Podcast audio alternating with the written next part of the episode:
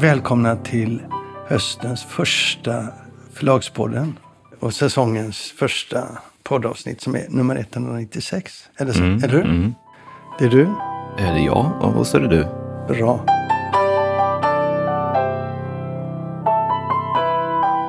Ska vi vara lite mjukt? Eh, Våran egen höst här nu. Mm. Lite kort börjar man på, på förlaget. Vad händer där?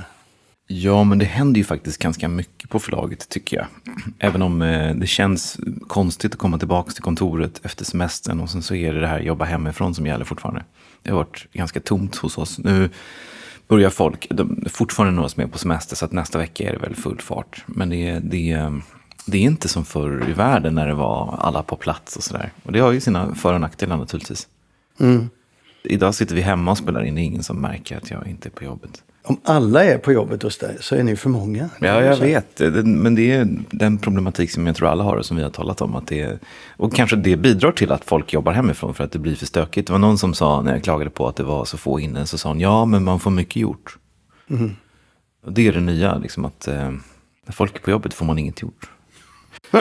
det kan ju bero inte bara på att det är för trångt på jobbet utan också för att man pratar med varandra för att man ses så sällan. Ja. Vad händer på jobbet då? Nej, men det händer en massa saker, men en av de mest spännande sakerna, kanske det mest spännande, det, är ju att det börjar en ny förläggare hos oss. Okej. Jag har inte sagt det, eller? Nej. Nej.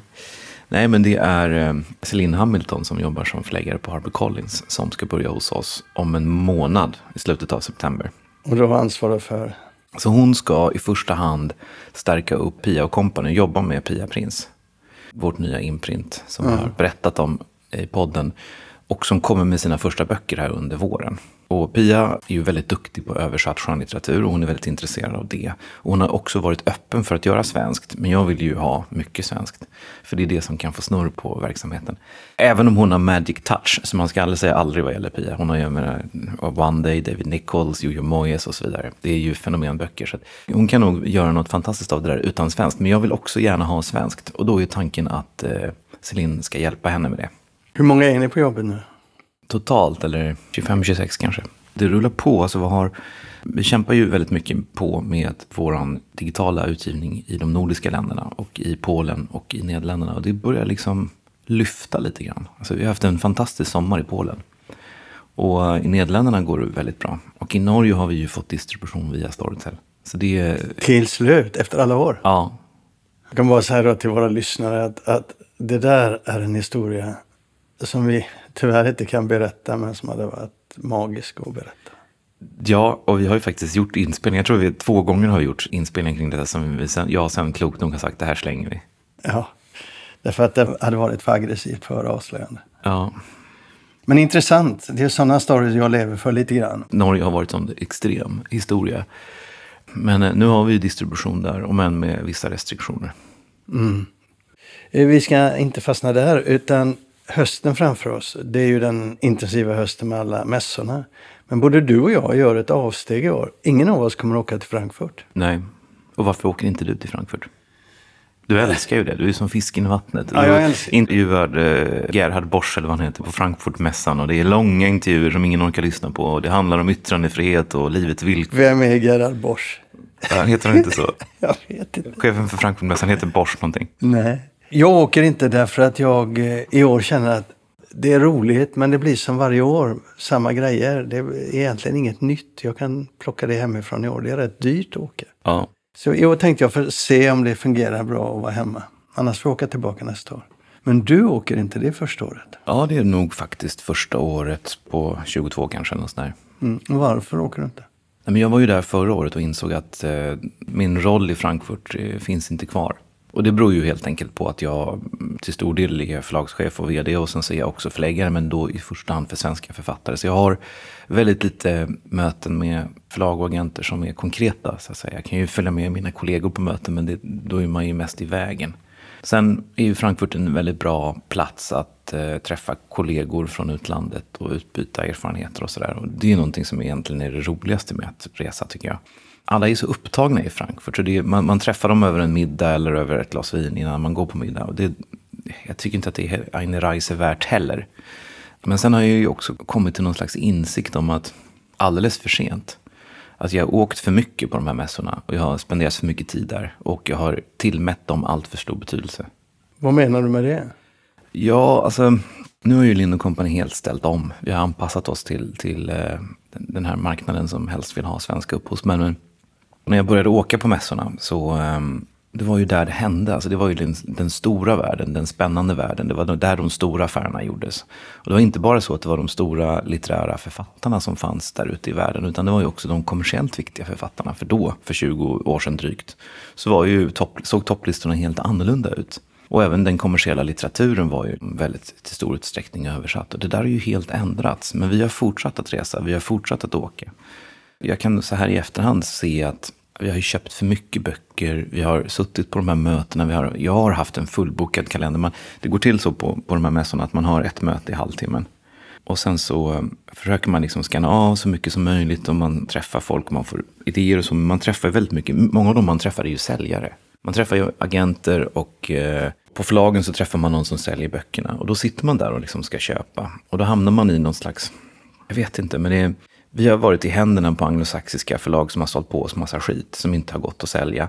Vi har gett ut alldeles för mycket böcker och det ges fortfarande ut alldeles för mycket böcker. Och sen så dränerar det här en på väldigt mycket tid. Även om du säger nej, nej och nej så kommer det en massa manus och sen så ska du följa upp och de frågar vad tyckte du och vill du ha den? Och även om du är liksom brutalt liksom, eh, tydlig och säger nej, nej, jag är inte intresserad så, här, så blir det fruktansvärt mycket jobb.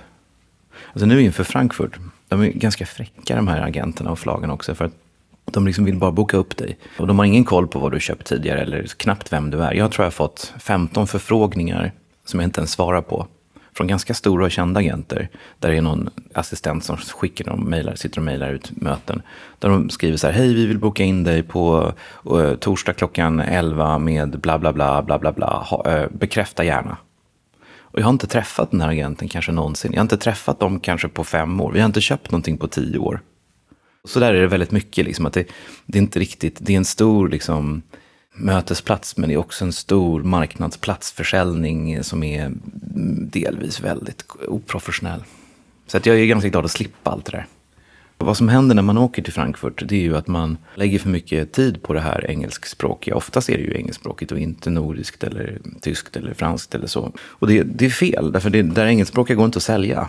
Det är därför som jag säger att man, man ska inte ha så stort engagemang på de här mässorna. Man ska åka i så liten utsträckning som möjligt och skicka så få förläggare som möjligt. Tolkar jag det fel om jag tänker så här att du kanske vill se andra språkområden? Du kanske vill ha ett öppnare synfält för världen och inte vara så anglosaxiskt fokuserad som du är? Ja, det vill jag, men vad jag vill är ju helt ointressant. Vad marknaden vill är ju något annat. Det är fortfarande ja. anglo? Ja. Men en, en, en skillnad som ändå har, har skett, det är ju som vi upplever de senaste åren, det är ju att Förr, alltså förr, då, förr behöver inte vara så länge sedan, det kan vara fem år sedan, det kan vara tio år sedan, det är definitivt tio år sedan. Så gick det ganska bra med det anglosaxiska. Du kunde köpa liksom bra engelska deckare och sånt. Och det kunde funka. Det kunde vara nästan jämnbördig försäljning med svenskt. Men idag så är det nästan omöjligt. Det är nästan omöjligt att få snurr på engelska deckare idag. Däremot så går det okej, okay, kan gå okej okay med, med norska. Kan funka med danska, väldigt svårt med finskt. Det är rätt intressant det där. För har man varit med tillräckligt många år som både du och jag har varit mm. i branschen så har vi sett trender komma och gå. Och vi har sett engelskspråkiga deckare ligga på topp. Engelskspråkiga, alltså original engelskspråkig skönlitteratur ligga på topp och dominera listorna totalt. Och sen har det kommit till detta att idag är det inhemskt och det är det på enda marknad som finns. Inhemskt, inhemskt, inhemskt. Jag tycker det är lite infantilt personligen. Jag skulle gärna se mer eh, översatt litteratur, fantastisk litteratur som finns där ute. Men folk köper inte. Jag tycker det är märkligt hur det kan gå fram och tillbaka. Eller som vi pratade om alldeles nyss, tror jag, som vi ska återkomma till. Historieintresset, som ju totalt inte har försvunnit men har minskat med tanke på hur det var när historiska medier lanserades och när Bonnier mm. satsade mm. stort på historielitteratur. Och idag är det väldigt lite som går. Det går, men det går väldigt lite. Ja, det är väldigt lite. Alltså, det är så svårt och det är så komplext. Alltså, jag, jag, det finns ju liksom ingen förklaring till varför det har blivit så här. Men sen finns det ju omständigheter som förstärker det här. En om, sån omständighet är också att översätta är så fruktansvärt dyrt. Eftersom översättningar är dyra. Även om du använder AI-tjänster så krävs det ju väldigt mycket handpåläggning. Och de är ganska dyra idag fortfarande. Om du vill få det bra. Sen... Eh, kan du inte få PR och press på att översätta titlar lika lätt som på svenskt. Och så, där. så det finns ju många saker som också förstärker det här. Jag tror också en annan sak som, eller inte tror jag, vet att en annan sak som har förstärkt är streamingtjänsterna. Därför att förut så, i bokklubbarna exempelvis, så kunde du ju lyfta en bra engelsk roman till och med, eller deckare eller någonting sånt. Och det var som någon slags eh, kvalitetsstämpel. Folk kunde köpa någonting som låg på helsida i BBK i flera tusen exemplar. Men idag på streamingtjänsterna är det så lätt att välja bort och då väljer folk helst det lokala. Mm. Och vi får se, men vad jag tänkte när jag sa det med, med, att man har varit med så länge så man har sett trender komma och gå. Så håller jag i tummarna för att det kommer en ny trend där översatt säljer igen. För det, vi gör oss rikare. Jag hoppas det också, men apropå det här för att återkoppla till ingången på samtalet med varför ska man åka på mässor och varför åker inte jag och sådär. Så det är ju förlagen, det är ju det här med vad styr marknaden? Är det utbudet eller är det efterfrågan? Och eh, författarna och eh, kulturjournalisterna och folk som tycker till, de tror ofta att det är förlagens fel, så att säga. Att det ges ut för få översättningar och för få, man marknadsför dem för, i för lite utsträckning. Så, men min ingångspunkt är nästan den motsatta. Det är, det är efterfrågan som bestämmer. Och förlagen har kämpat på, åkt på mässor, läser översatt, läser på olika språk. Det är liksom stendött. Och därför så ska vi, därför gör det ingenting att de här mässorna tappar lite i betydelse. Och därför känns det inte för mig relevant att åka till Frankfurt. Och jag kommer inte åka till London heller. Det kommer jag att göra då. En annan sak jag inte gillar det är just det jag beskrev, att man hamnar i händerna på säljare. Det är mycket bättre att resa och träffa kollegor, andra, för mig förlagschefer eller förläggare. Vår resa till Finland tycker jag är väldigt givande och intressant. Den typen av resor borde förläggare göra mer. Alltså man åker och träffar folk som är på ens egen nivå och som jobbar också med böcker. Man utbyter tips och erfarenheter, man lär sig lite grann, studerar marknaden, kanske går i boklådor. Det där försvinner ju helt på mässorna. Det är ju en enda stor ja, det är otroligt kommersiellt fokus på sånt som ska ges ut. Så betyder det att Förlagspodden kommer åka runt i Europa med dig och mig? Nej, men jag tyckte våran Finlandsresa var väldigt bra. Ska jag smida planen vidare? Ja. Du, eh, ska vi släppa den eh, Yes. lätta inledningen?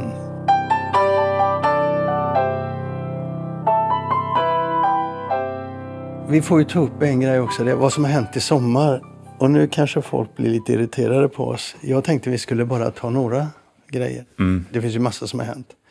Men vad vi inte ska ta upp tycker jag, det är den där debatten som har varit på kultursidorna om hybridförlagen. Jag tycker Nej. den är så tröttsam. Den är tröttsam, ja.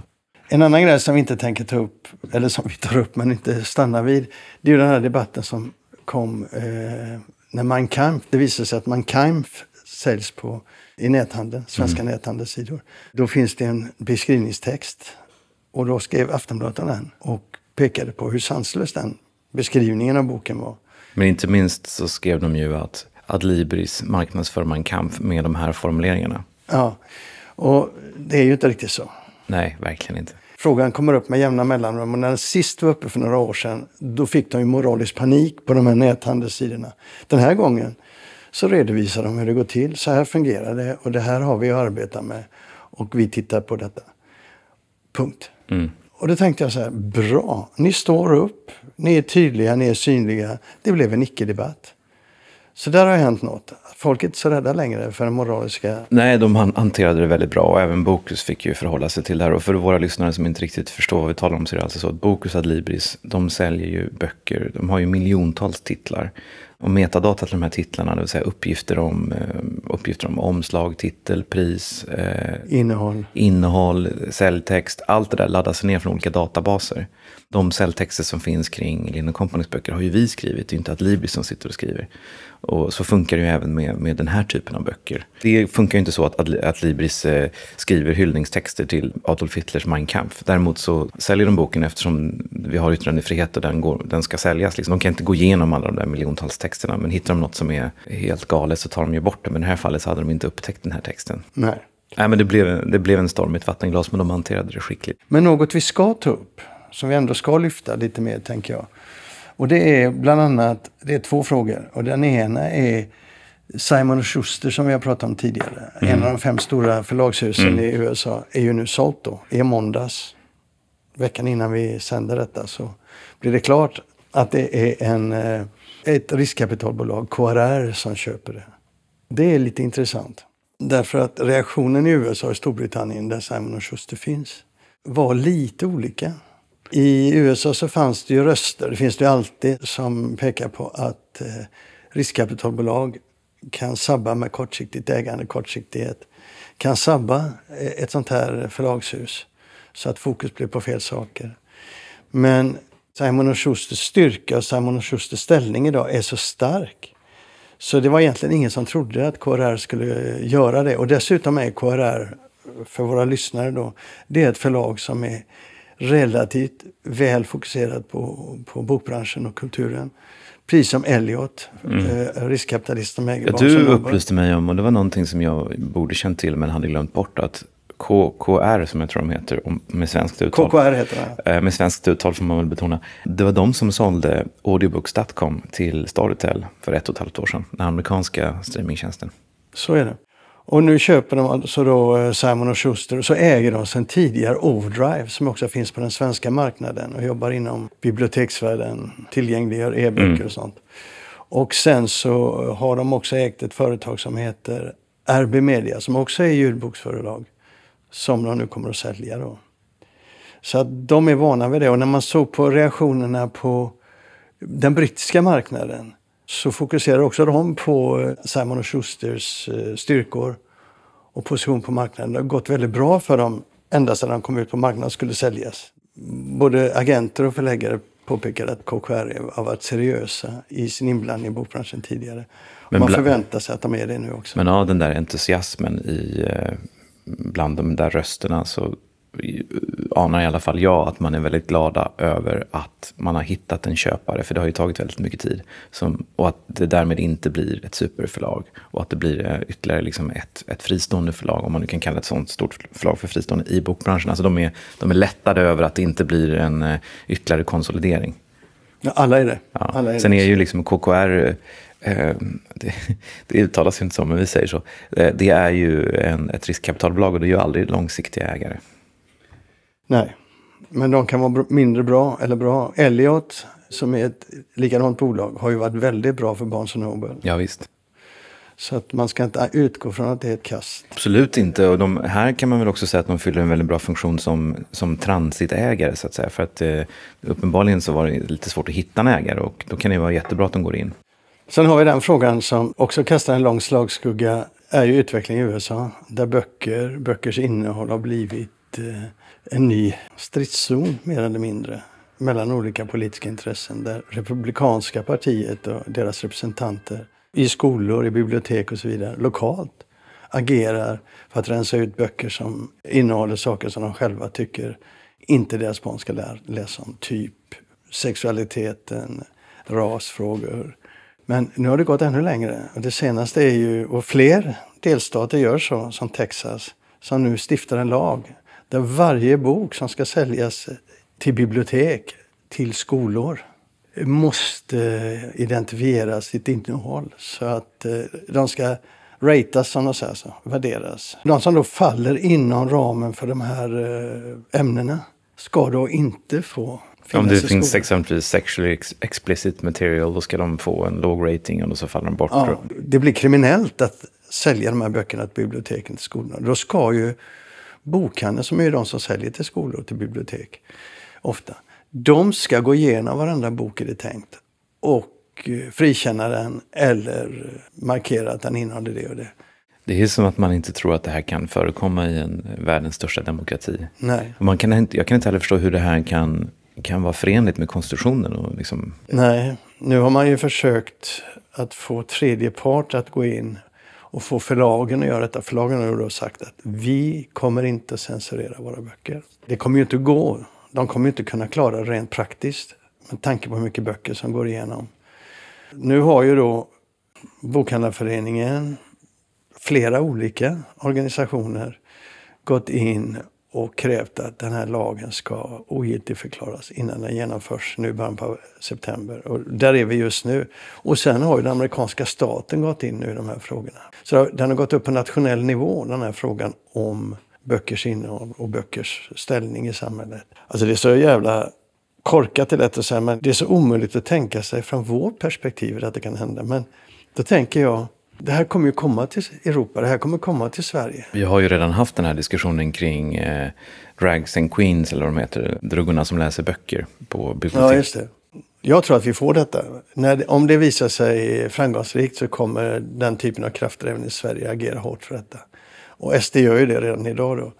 När vi får det, hit så ser det ju lite annorlunda ut. För vi har ju lite annorlunda yttringar i kultur, annorlunda lagar, annorlunda strukturer i vårt samhälle. Exakt så kommer vi inte få det. Men det intressanta är vad det står för, inte det konkreta uttrycket. Ja, vi släpper det som har hänt i eh, sommar. Det finns fler saker. Vi kommer ju komma tillbaka. Eh, svensk bokhandel skriver kort då att Astrid Alander på Alander Agency har lämnat Alander Agency. Eh, hon är kvar till december och en annan anställd har lämnat. Och vad som har hänt där, det kommer vi att komma tillbaka till. Vi kommer också att eh, försöka analysera och prata med fler inblandade och höra hur författarna reagerar. Men det blir ett senare avsnitt. Ja.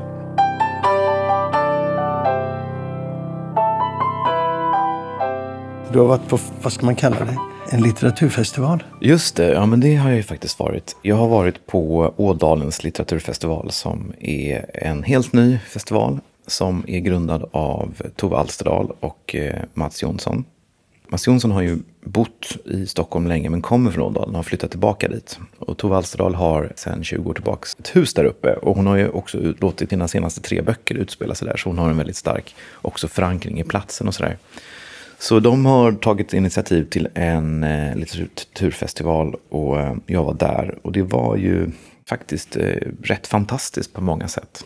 Varför det? Jo, men alltså ett stort problem som vi har på förlagen och som nästan alla liksom har på Bokmässan och, och, och, på olika festivaler och signeringar och sånt där. Det är ju författarna vill alltid komma ut och de vill träffa sina läsare och träffa publiken. Men vi har väldigt svårt att hitta liksom, platser och scener där uppstår ett möte. Framförallt har vi svårt att få dit folk. Och vi har svårt att få dit folk som är intresserade. Det här är ju också ett av, ett av problemen med Stockholms bokhelg. Alltså, vi kan ordna alla möjliga saker men vi får inte dit folk. Och här har man då lyckats med detta till synes omöjliga. Att man har startat en festival i ett gammalt industriområde som är otroligt vackert. Alltså det är Sandslånsön heter själva platsen. Och där låg världens största skilje, vet du vad det är? Du vet att när man förr i tiden man eh, transporterade timmer på älven och sen så kommer de ut till nästan till älvmynningen och då måste man liksom skilja vem äger vilken stock så att säga. Och då åker de in i olika bassänger kan man säga. Alltså, genom ett rätt tekniskt komplicerat system så skiljer man de här stockarna åt så att de som ägs av vissa sågverk hamnar där och de andra där. Och när det här var som störst, och det var på 50-talet, då skilde de 23 miljoner stockar om året. Och det var säsongs, mycket säsongsarbetare, men Även på vintern förekommer ju viss verksamhet, men när, när isen lägger sig då går det ju inte att skilja några timmer eller flotta timmer. Men det jobbade som mest 700 personer där. Så det var en väldigt stor verksamhet.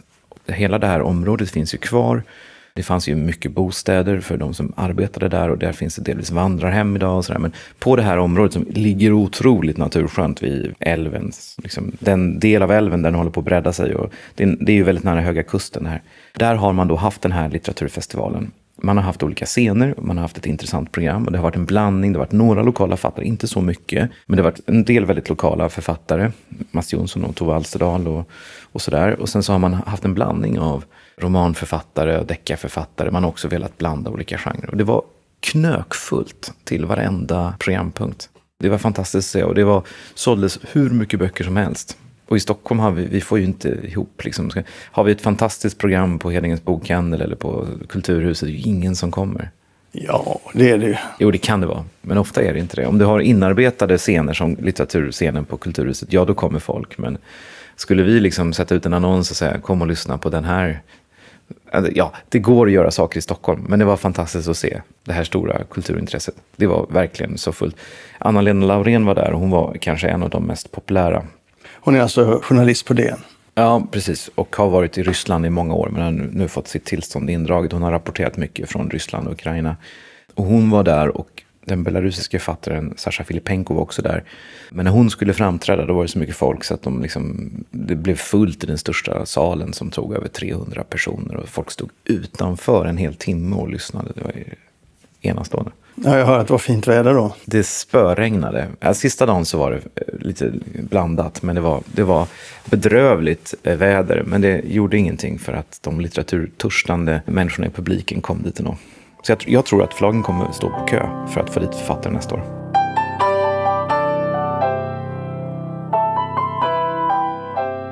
Ska vi ta upp en sista grej i denna lite mer lättsamma start på Förlagspodden i höst som är lite annorlunda. Och det är av en anledning som jag inte kommer ihåg längre.